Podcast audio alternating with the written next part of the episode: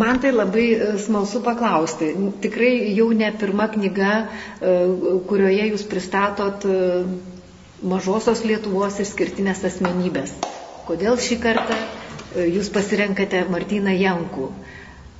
Aha. Kokia ta prieš istorija knygos rašymo? Taip, labai man pačiam labai aiški ir, ir Jankus mane pasirinko. Jankus mane pasirinko, kai įstojau studijuoti Vilniaus universiteto, docentas Žukas, vėliau profesorius, man sakė, esi iš to krašto, tai ir domėkis tuo kraštu.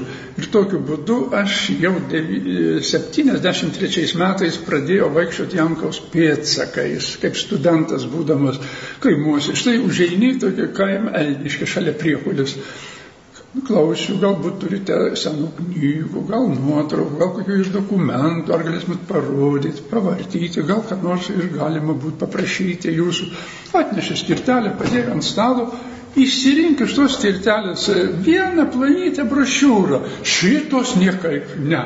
Ir man net nerodė, kas ten yra per toks dalykas, kodėl tai Jankus. Ji pasakė Jankus, tai Jankus man tai labai svarbu. E, po to nu, supratau, kad yra Jankų žinomas, atmintis labai gyva, kažką reiškia, kažkokią turi ir tą prasme. Ir tais pačiais 73 metais dar paėjęs toliau link Drevernos, Piaulų kaime, užsukau į sodybą, kurie gyveno iš kuršienas įkėlė žmonės, nusipirkė seną namuką. Irgi kalbą pradėjau apie tai, kas man rūpi, lipki viršų ir tu ten kokių tai popierių tikrai yra užlipau ir buvo grūdų skrinė, didelė grūdų skrinė, kiek kraičio skrinė, tai kokia dvigubai, trigubai didesnė. Ji buvo pilna popierių. E, buvo ir pelių suėstų, buvo ir sveikų, buvo išrinktų ir padėtų bulvių krepšiuose pakraikiai. Ir aš ten radau vienos brošiūros, 30 egzempliorių parašyta Jankaus, Klaipėda ir Lietuvininkai. E, galbūt e, poniai moteris iš Elniškis kaimų turėjo būtent tokią klaipėdą ir Jankos rašyti, jai svarbi yra. Tai pirmas toks susikabinimas, kur aš pajutau, kad e, tai yra įdomu. Po to eidamas per kaimus ir bibliotekoje dirbdamas, sakydamas, daug, nu, ryškėjų, figūra dydis ir jau diplominiam darbe buvo skyrius apie Jankų, buvo pirmojoje disertacijoje, po to antrojoje disertacijoje ir kitose knygose. Bet yra ir kitų motivacijų. Tai buvo pati pradžia, tai buvo galbūt studentiški, dar tokie mėgėjiški dalykai, prisilietimai, asmens pažinimų, liudininkų. Galiausiai mane žmonės nurodė iš pačių bitėnų, kad susirašinėja su dukterim, vyriausia dukterim Elze, gyvenančia Toronte, Kanadoje. Parašiau laiškų ir mano archyve šiandien jau yra apie 60 laiškų iš to susirašinėjimo. Tai bręsti pamažu. Galiausiai Elze Jankutė rado būdą perduoti per kitus e, Toronte išleistą knygą e, atsiminimai apie Janką, straipsniai iš visos prieinamos spaudos. Na tai ne tyrimas, bet kaip šaltinis, kai neturi po ranka, kai jis pats fonde daug kas yra, tai čia viena motivacija. Dabar ir kita, ir aš norėjau pradėti rašyti 13 metais. 2013 metais aš čia buvau sukaupęs gana daug medžiagos, kopijavęs iš archyvų, dirbęs Berlyne, bibliotekų rankraščių skyrius ir medžiaga buvo parengta, bet artėjo Donelaitis ir aš šiek tiek atidėjau, skyriau Donelaičiui medžiagos. Toliau dar vienas labai svarbus motyvas. Man tapo aišku, kad Jankus prieš karą buvo mitologizuota, labai stipri figūra, tarnavusi Lietuvos valstybė, Lietuvos vyriausybė argumentavimui, kodėl Klaipėdos kraštas turi būti Lietuvos Respublikos sudėtyje. Ten sudėtinga situacija, veikia 34-5 nacistinis pogrindis, buvo ruošiama dirba sugrįžimo į Reichą, į Hitlerinę Vokietiją. Jankus atvirai ir garsiai kalbėjo, kad šitas kraštas be Lietuvos valstybės, be pagrindinio tautos kamieno negali egzistuoti. Dar vienas dalykas. Buvo Vingio parke statomas toks apskritas rytulys, kuriame įrašyta 300 nusipelniusių tautos vienimui asmenų. Mokslo akademija parengė sąrašą, buvo paprašyta pradinį sąrašą, šimtinę pasiūlyti ir paleista į įprastą internetinę nu, diskusiją, polemiką, ką papildyti. Surinko tūkstančius pasipildyti. Ir ką įrašė. E, mažosios Lietuvos tik septynias pavardės tik septynias pavardės. Aš dabar bijau vardinti. Atsim, kad Bretkūnas pagrind, kaip pagrindinis raštijos veikėjas, ne mažvido, nėra tenais mažvido. Gal aš klystu, reikėtų dar pažiūrėti. Aš turiu iškarpas iš, iš tautos susirinkęs ir žinojau. Bet Jankaus ten nėra. Tautos vienytojas. Nu kas, kas, aš net knygos pavadinimį dėjau. Martinas Jankus, tautos vienytojas, tautos kuriejas. Tai esminis žodis. Jis nuo aušros laikų dirbo tautos suartinimui, suvienimui. Jonui Basanavičiui lygiai vertė asmenybė. Taip, du asmenys gyvi, būdami sulaukė paminklų. Vasanavičiui, aš nebeatsimenu labai tiksliai, bet 25 tikrai stovėjo ir prie jo paminklo rinkdavosi kiti aušinkai fotografuotis Kaune.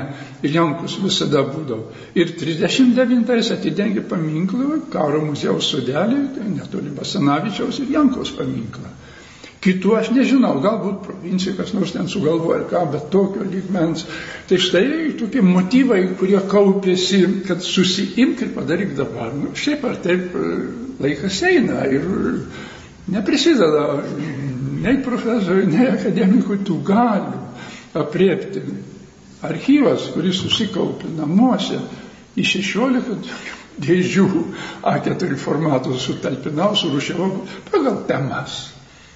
Tai aš suprantu, kad čia, čia jums, jums didžiausias iššūkis ir buvo. Jūs labai daug turėjote archyvų, daug žinių, kurios pildėsi, kiek suprantu, vos ne visą gyvenimą. Uh, Tai tas atrankos kriterijus, ką sudėti, kokiu aspektu, taip, taip, kaip, taip. kaip jums pavyko išspręsti dabar jau šiandien, kai knyga yra ant stalo, kaip jūs taip, vertinate? Be abejo. Ar liko dar kažkas paraštėse?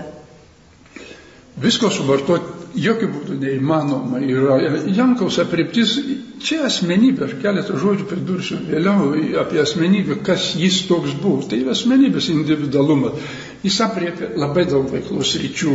Jis dirbo savo krašte, jis, kol spaudos draudimas dirbo didžioji Lietuvoje, jis per sieną važinėdavo, vykdavo, užmėgdavo ryšius, matyt, telkė tos knygų platintojus ir taip toliau. Jis palaikė glaudžius ryšius su jungtinėms valstijomis, su lietuvių kolonijomis Rusijos imperijoje, ypač su jaunimu, studentija, pusimaisiais nu, varpininkų stovyklos, jom ten įvairiopai sekėsi, varpas, ūkininkas, varpininkų pagrindiniai du laikraščiai.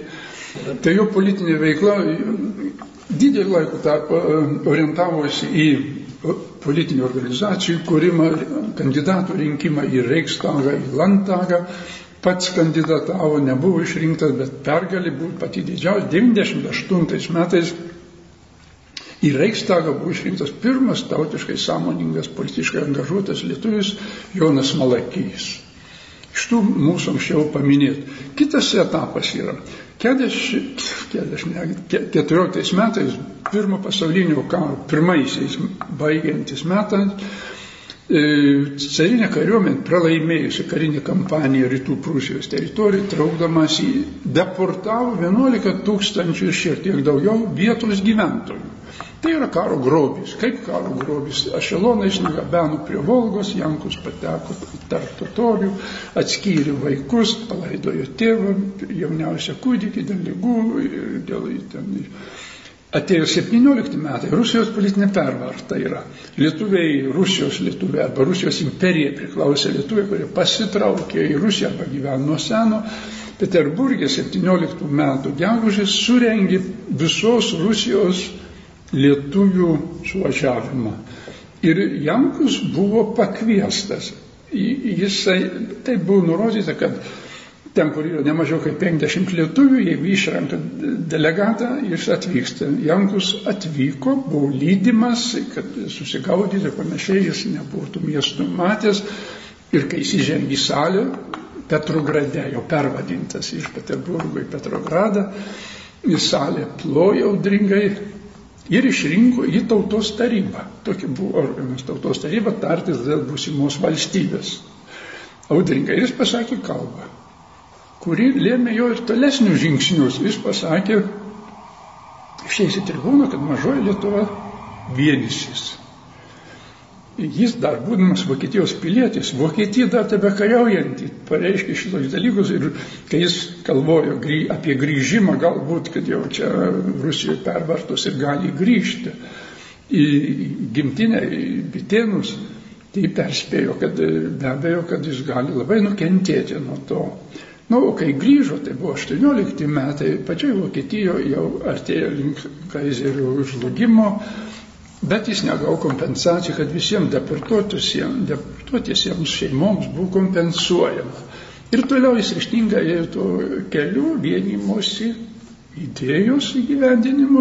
18 metais lapkritį Tilžėje 22 lietuviai paskelbė susivienimo tą dokumentą, kuris dabar vadinamas Tilžės aktu, nors jis ten vadinamas pareiškimu. Ir, ir toliau pagaliau Klaipėdos krašto Versalio taikos sutartim Klaipės kraštas numatoma prijungti prie Lietuvos Respublikos, bet tas užsitęsė labai ir siekia Lenkiją įsitvirtinti, superka turtus, konsulatas atsidaro Klaipėdoje, siekia Prancūzijos paramos ir labai gauna. Ir Klaipėdos krašte valdo prancūzai. Nu, kaip okupacinė kariuomenė, administracija. Ir suprantama, kad 22 metų pabaigoje Klaipėdos krašto kaip valstybės sudėtyje, savo sudėtyje Lietuva nematys, vyriausybė rengia sukilimą, vadinamą, kaip mes sakom, kabutėse. Ir tai atliko kariuomenė, bet reikėjo politinių figūros klaipėdiškių. Ir buvo įsteigta vyriausias mažos Lietuvos gelbėjim komitetas, pirmininku tapo Janku. Ir kiti ten buvo dalyviai ir tai baigėsi sėkmingai, nes tuo pačiu metu mes žinom, kad vyko ir kiti politiniai įvykiai Europoje. Elzaso lotaringi prisijungė Prancūzija, tai buvo stambesnių galvos skausmų, Anglijai ypač ir tai pačiai Vokietijai, kuri nežlugo, o vėl iš naujo atsitiesi, taip reikia sakyti. Ir Jankus 25 metais, galim sakyti, tokie politiniai, aktyviai, organizuotai veiklai tašką padėjo, jau ir amžius ir panašiai, ateina apdovanojimai ir pripažinimas, bet jis nerimsta. Jis su Lietuvos, nu, kaip misionieriaus nu, užduotimi ekonominė. Tas klausimas vyksta Junktinės valstijos 26 metais, 30 metais pirmoju atveju labai aktyviai agituoja lietuvius, praturtėjusius lietuvius, kad pirktų Klaipėdos krašte dvarus, kad pramonė steigtų, kad maistą gabentų į Junktinės valstijas, kur kainuoja keturgumai, ne Klaipėdos krašte. Tilžės sūris ten toks populiarus, kad moka nesivaržydami, nu ir kiti. dalykai. Praleido keturis mėnesius, apkeliavo daug Amerikos telkinių. Jį nuolat kvietė, jis daug interviu dalyjų, fotografuojamas, galios nuotraukos padaromos, jis pristatomas visur kaip reikšminga figūra. Ir tai atitiko ties. 30 metais daugiausiai krypo irgi ekonominius klausimus, bet linija, garlaivų linija Amerika, Klaipėda tiesioginė, kad būtų, net per švedų bendrovės garlaivius. Ir kad atsirastų galimybė gabenti produktus, maisto produktus į Ameriką, nes be šaldytuvų bandymai nugabenti baigėsi niekuom. Su, sugesdavo, taip buvo trumpiau, daug padalyjo interviu prie dalyvių grįžęs pasakojo, kas yra, kokios jėgos ten veikia, kaip tai mums naudinga palaikyti. Kritikavo ir Kauno vyriausybėm, taip sakau, Lietuvos vyriausybę, kad neaktyviai veikia Klaipėdos krašte, kad nestiprina lietuvišką elementą. Žiūrėkit, fabrikuose kiek atvykėlių yra dirba daug, džiaugiasi vokiečių savininkų, kad jį priemė ten dirbti, per rinkimus balsuoja ir į Klaipės krašto Seime, Klaipės krašto parlamentas buvo, kad tie lietuviai nebalsuoja už lietuvių frakcijos narius, kad ten tik šeši iš viso patenka, o kai galėtų būti trečdalis mažiausiai, jau gal ir pusė net. Nu, išvelgiu visokių ir ekonominiais klausimais pasisakydavau, jis turi gerų konsultantų. Klaipėtiškiai lietuviai prakuto Ir pramonė įsitvirtino, ir ūkininkai, dvarų jau atsirado stambesnių, rengia tokius memorandumus e, prezidentui, bet pasirašyti duodau Jankui, nes figūra jau matoma šalies mastu. Aš skaičiau tos dokumentus, ten nėra Jankos parašo, tai antrasis egzempliorius, mašina rašysiu, bet skaitau pradžią, skaitau pabaigą, skaitau kitą, ką iš po iš karto atpažįstu, kad parašė gerai pasirengę vyrai, bet figūra veteranų, jis ir kalba, kad aš kaip veteranas mokėjau parašyti. Nu ir taip toliau. Pagaliau kitas dalykas, bitėnai, klaipėdai, mano nuomonė, gal aš ir klystu, eilinį lietuvį mokytoją, inteligentą gazdino. Tai buvo vokiškas didmiestis, sakyčiau taip, nors jis stipriai lietuviškas elementas, bet viską rankose, iš, rankose išliko ir turtas, politinė galia, kultūra dominavo, nepaisant mūsų pastangų ir teatrą, ir dvi nepilnas aukštasis mokyklas, ir kaip pritrūksta laiko yra. Tai daug mėliau žmonės keliaudavo link Rambino, garlaiviais išlipas e, prie plaukoje, Rambino, Jankaus sodybą, Jankus įgyja mažos Lietuvos patriarcho titulą, Rambino sargo, nors nieko met pats taip nepasirašė nepasirašė ir nepasivadino. Tai buvo liaudies jau mitas kuriamas. Reikėjo figūrų, aš apie tai rašau, tokių kaip Basanavičius, kaip Jankus, kad būtų rentyra, jeigu ta nestabili Lietuvos valstybėlė kada nors prarastų savo savistovumą, savarankiškumą, kad būtų žmonės, kuriuos kaip pavyzdžių nulaikyti. Tiesiog ant paminklo pastatyti. Jo, taip, kad yra orientyrai. Nu, tautai, kuri dar tik stiprėja, kur tik, stojasi ant kojų. Ir Jankus tokį idealą kartu su Kudirka Basanavičium atitiko tuos reikalavimus. Ir jį be abejo, kad gausi žurnalistų armija mielai, mielai eksploatavo, taip pat įpiršo. Ir kartais Vokietijoje oponentai vis pašiepia, sakyčiau, taip per dantį traukė, patriarchas, kaip ten koks ten patriarchas, kas jį sukūrė, iš kur jis. Aš knygoje apie tai rašau. Mes turime oponentų ir Lietuvoje beje. Ar jis buvo tikras patriarchas, ar jis prilygs Basanačiui, bet jūs žinot, kad Basanačiui šiandien irgi įvairiopai vertina, žinoti pavardės ir taip toliau, kad randa kažkokių silpnybių žmogaus, visi turėjo silpnybių, Jankus taip pat turėjo silpnybių, kartais visai nevykusiai pasielgia, o mes patys, aš šventieji, irgi kažką pasielgiam ne taip, dėl ko gailestauju, ai, kodėl aš taip neižvalgiai, kodėl aš taip neprotingai pakalbėjau, kuriems galau. Ir ne visai teisus esi kartais vertindamas kitus. Ir Jankus, o jam tas, e, jo charakteris, reikia sakyti, buvo labai impulsyvus. Jis buvo geras šnekėtojas, gerai rašė straipsnius. Tik nemanykim, kad intelektualius išvedžiojimus remdamas filosofais ar kom nors. Savo gyvenimiškai išmintimi matydamas, mokydamasis iš savo gyvenamos aplinkos ir iš savo nu, valstybės, kurie jis dešimtmečius priklausė, Prūsijos valstybės. Tai nepalyginsiu carinės Rusijos valdoma didžiai Lietuva. Ten mažos Lietuvos Lietuvė taip pat buvo tautinė mažuma, bet tai buvo demokratinė valstybė iš esmės. Konstitucija gavo 848-9 metų revoliucijos dėka. Kaizeris buvo, tai Prūsijos karalius, 71 tapo jau kaizeriu visos Vokietijos, bet jis tik pažadus dalyjo.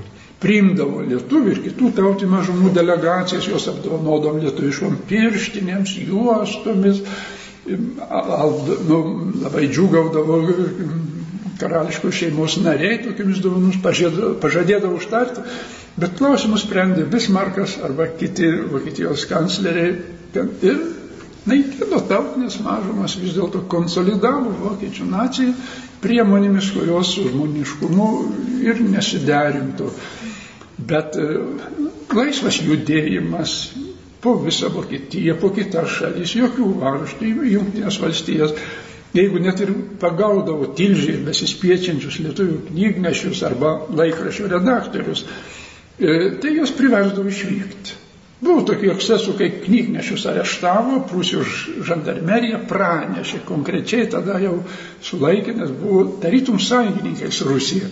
Ir kartu buvo besivaržančios šalis.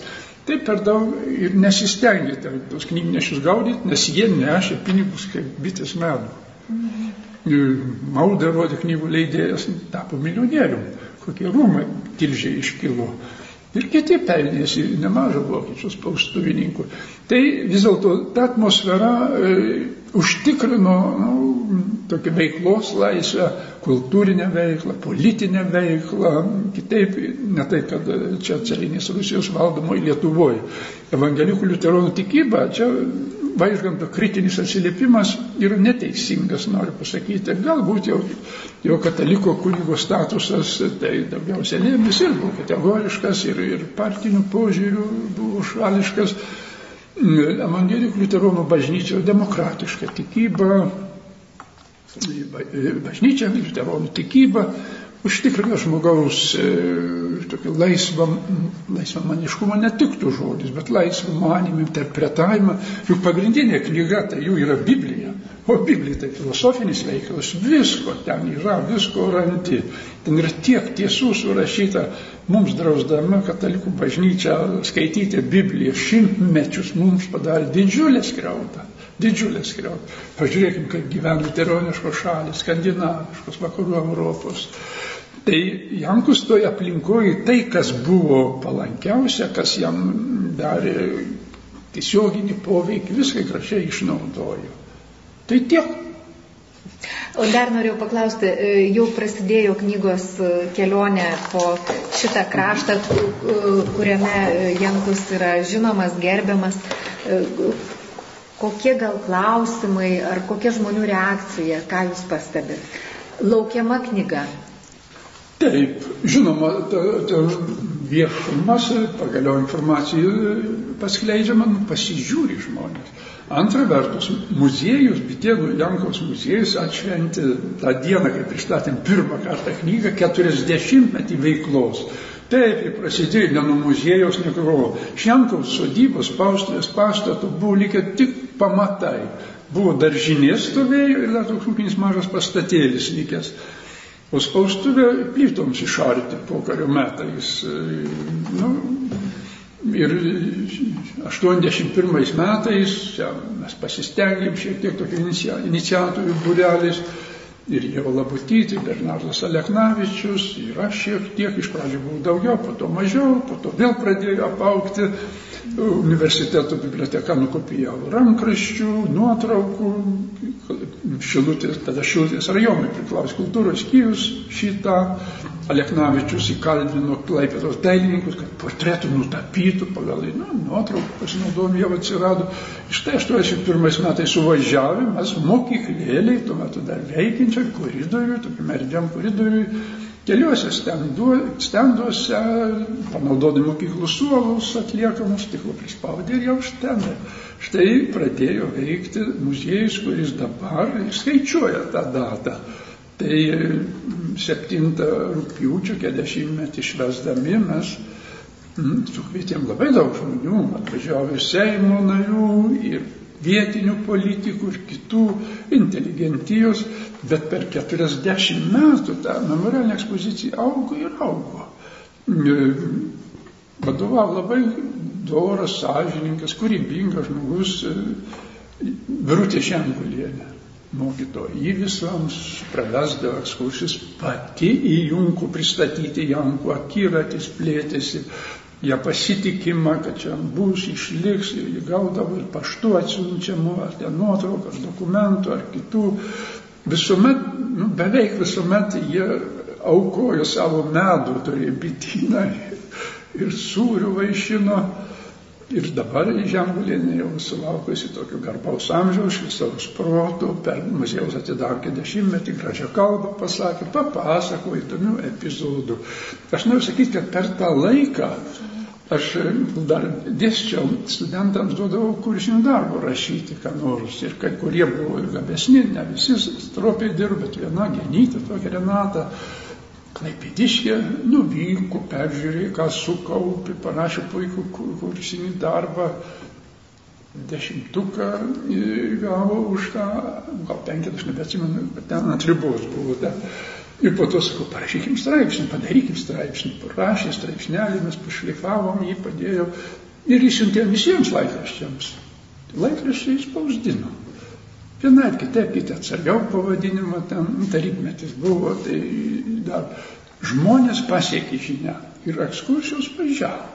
Eidavo ekspozicijėlės pažiūrėti, rambynas, čia kapinės rambynų šlaite, prie tų pamatų eidavo ir valdžia susizgribo, važiuoja žmonės, kas pastatė stalą, medinį tokią skulptūrą ir lentą pakabino, kad čia liberalinių, žodis geras, liberalinių veikėjo mm, gimtinė, spaustuvė čia veikia. Buvo spausdintas pirmą kartą lietuvių kalba komunistų partijos manifestas. Daug kas nustemba, kai aš pasakau, kad mani, komunistų partijos manifestas, Markso komunistų partijos manifestas ir kapitalas veikalas yra kultūros, pasaulinio kultūros paveldo registrai. Taip, nu, diskusijų vyko, žinau, kad ten svarstyta, ar tikrai dera ir taip toliau, bet ten yra kitas dokumentas, negu mums įkalė į galvą, kaip tikyba tarybinėje mokykloje. Tai yra kita. Kilo darbininkų judėjimai, turėjo atsirasti socialinės jėgos, kitos, kurios įsijungė į visą procesą. Europoje, Amerikoje labai stiprų judėjom, kitose vėliau. Tai buvo neišvengiama, nes vis tiek vieni valdys kapitalą, kiti tą kapitalą gausins ir tuomet bus visuomet intereso. Tai ta užrašymas nieko ten nekei, bet buvo savisaugos saugiklis vietos valdžiai, galbūt kur nors ten ir Vilniuje ar panašiai, kodėl čia traukia tų žmonės, ką jie ten kalba. Ar tam muziejį palieka, taip apsisaugojo. Nu, atgaus nepriklausomybė buvo suga, iš karto nuspręsta atstatyti, atstatė pam, sieną, stogų uždėjo po to paliko, pritruko lėšų, keitės valiutos, jie apvogė dar kartą viską, išlupo langus ir duris. Nu ir tiek. jo. jo. Tai dar pabaigai, tada dėl, su knyga. Tai knyga turbūt irgi e, bus muziejaus eksponatas. Eksponatas nebus taip parankinė gali būti, aš sakau, gali būti knyga, nes tos temos skyla į daugelį temų, kitų, kurios gali angažuoti, domintis muziejininkai jau turi sukaupę daug šiandieninės medžiagos, naudodami šiandienės priemonės, karo muziejaus, kitų muziejų, bibliotekų, rankraščių. Didžiulis fondas yra sukauptas, kuris yra po ranka. O kaip kokias temas rutuliuoti jiems reikalas, ta knyga gali būti parankinių eksponatas. Tai vargu ar gali kol kas tarnauti. Gal praėjus kiek laiko atsiras daugiau. Gal atsiras lentynėlė knygų apie Martiną Jankų. Jau čia dešimtmečių reikalas nebejotina, kad bus. Nu, reikėjo išgrininti pagrindinės temas, suprantama, iš tos medžiagos konsoliduoti tokias pagrindinės temas, apie kurią galima būtų išplėtoti daug ką pasakant, bet ne viską apriepiant. Tai yra neįmanomas dalykas ir tą, kai supranti, tada ir tą organizuoji. Save mobilizuoji to temą. Ir dydį, dal, knygoje yra keturios dalis, tai yra keturios pagrindinės temos, į kurias aš pabandžiau atsakyti ir išvaduosi, e, nu, kondensuoti pagrindinės mintis ir pateikti. Tai tokiu būdu dirbant, tai yra pasiruošiau 18 metais projektui, kurį teikiau Lietuvos mokslo tarybai, užrašiau 30 autorinių lankų apimti, lėšas paskaičiavom su rezervu, aš jau numačiau, kad aš rašysiu daugiau, bet kiek nežinojau. Išėjo dvigubai daugiau.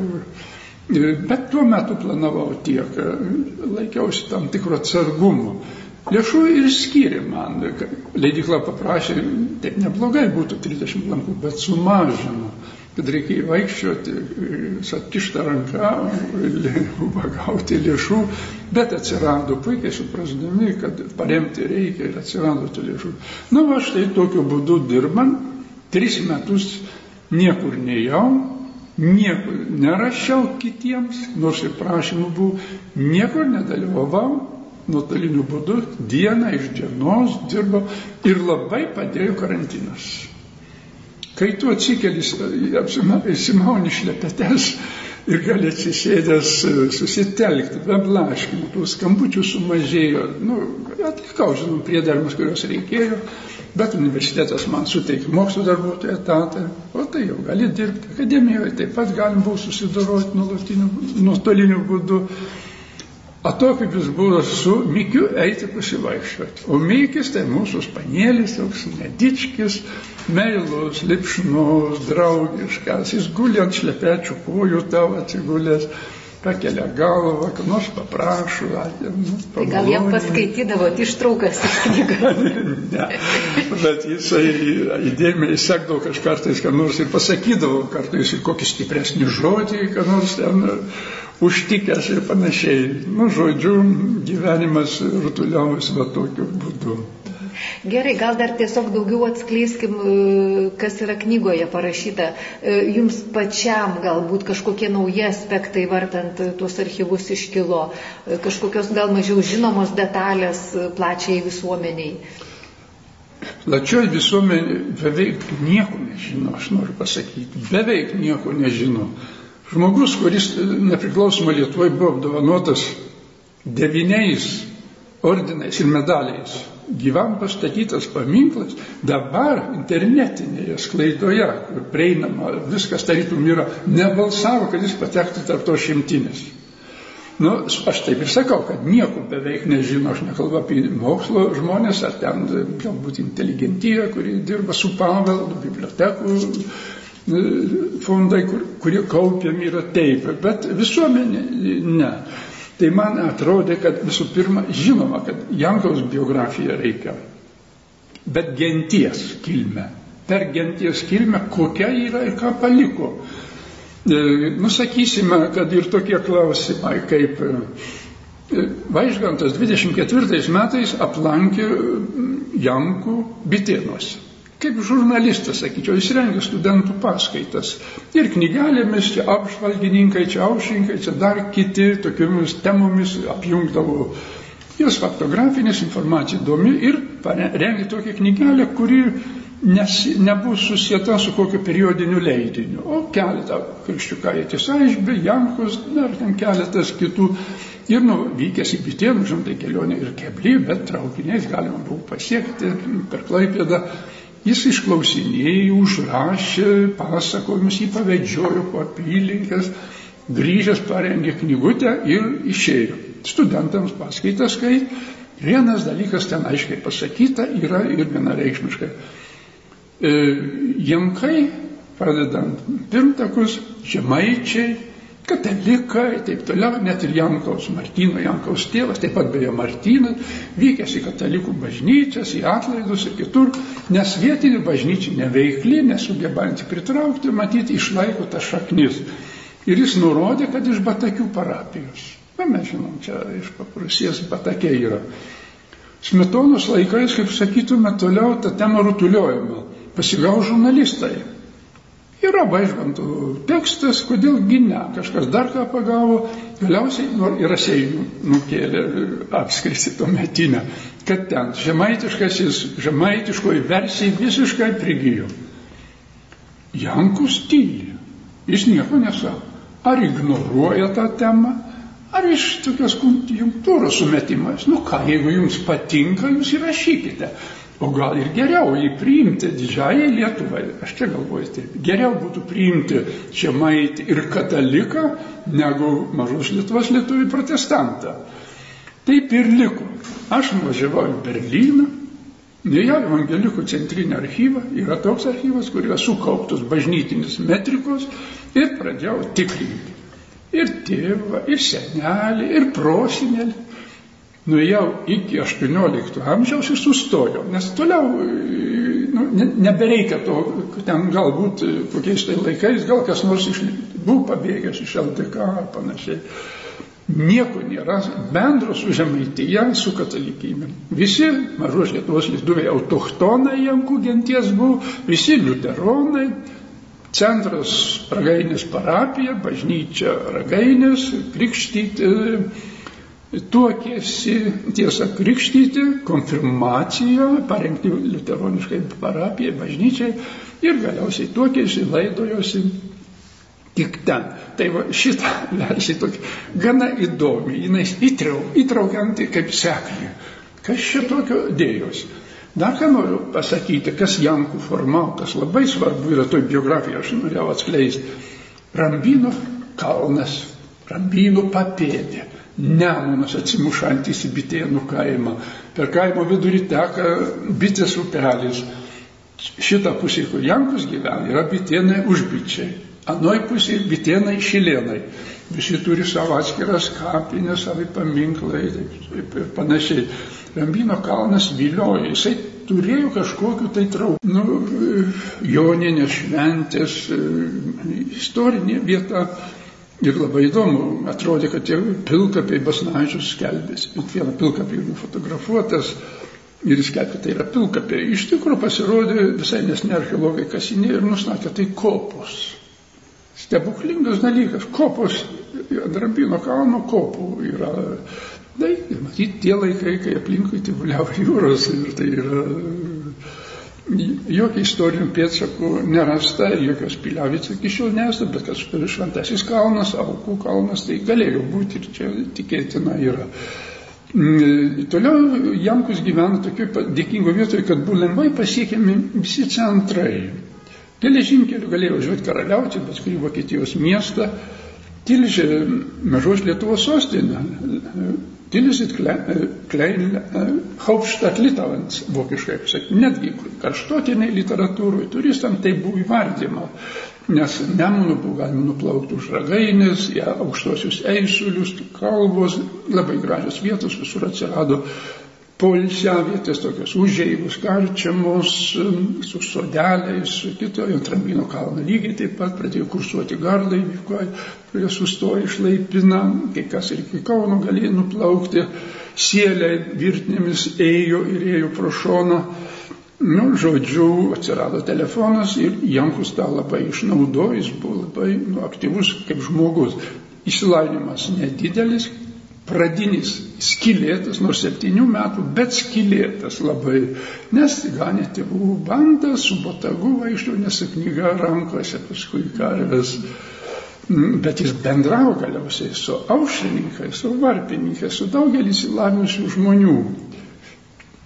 Kai kurie, nu, knygnešiai, žinoma, mažai raštingi, nešė kuprinės, didžiulės prikimštas knygų, bet Bilinis atvyko iš dvi savaitės gyveno pas Jankus, kol spausdinasi jo knygos, jisai jas samtų vietinius ūkininkus, veža į pasienį, jis pats nieko met nenešė, čia yra kartais sakant klaidinga. Anoj pusėje jis organizuoja vyrus, kurie atgabena, jis užsima tik tais pristatymus, klaida tiems, kas to lauk. Bet įdomi asmenybė, Bilinis, kad Jankos dukteris, trys, Elzė, Edė ir Urtė prisiminė į senatvės visus nugyveno, nu, to garbingam išįvyjo, vieną Merklakį, dvi Kanadoje, prisimindavo Baltąją realią. Bielinis vadinosi šitokiu, nu, pavadin Baltųjų erelių, pagal savo laikraštuką, kurį leido Baltas erelis. Ir rengėsi, nu, milinių, bet baltų rūbų. Ir toks vaizdas jau yra išlikęs. Bet prie to galime sustoti biografijoje dalykų, aš narplioju įvairias temas su tuo susijusias, jo ryšius ir taip toliau. Antroji knygų dalis skirta jo visuomeniniai veiklai. Viešoje erdvėje pavadinau tą dalį, tai yra atskira knyga iš tikrųjų. Ir jo politinė veikla. Pirmą dalį, pavadinau, politinė biografija. Jis buvo politikas. Pirmiausia, buvo politikas. Visus dešimtmečius. Ir taip ir numirė, būdamas, nu, galim sakyti, politiko, nors jau aktyviai nebegalėjo dėl gilios senatvės reikštis. Mm, Pirmiausiai jo deportacija.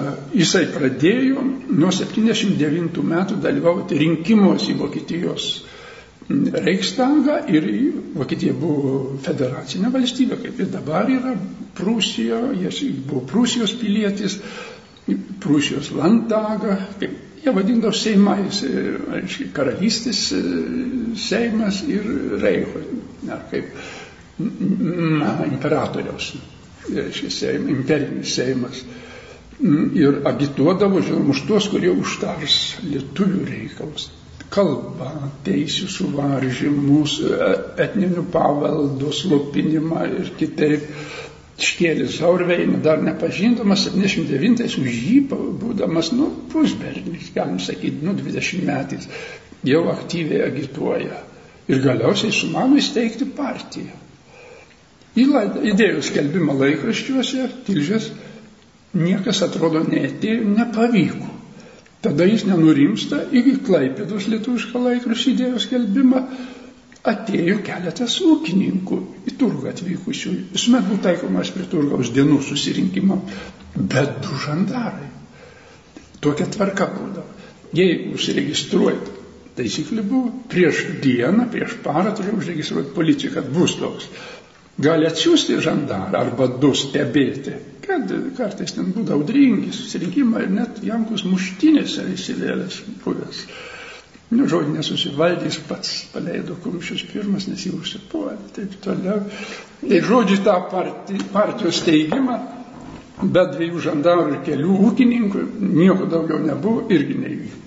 Bet jį atkreipė dėmesį tie, kurie buvo sumanesni, pasiturintys Dovozaunius ir Jonas Malakys. Tai dus, dvi stambios figūros mažos Lietuvos istorijos išlaikyti ramus, be mm, kontroversiškų kokių tai nuostatų, visuomet mm, suvokdami, kad tautos labui.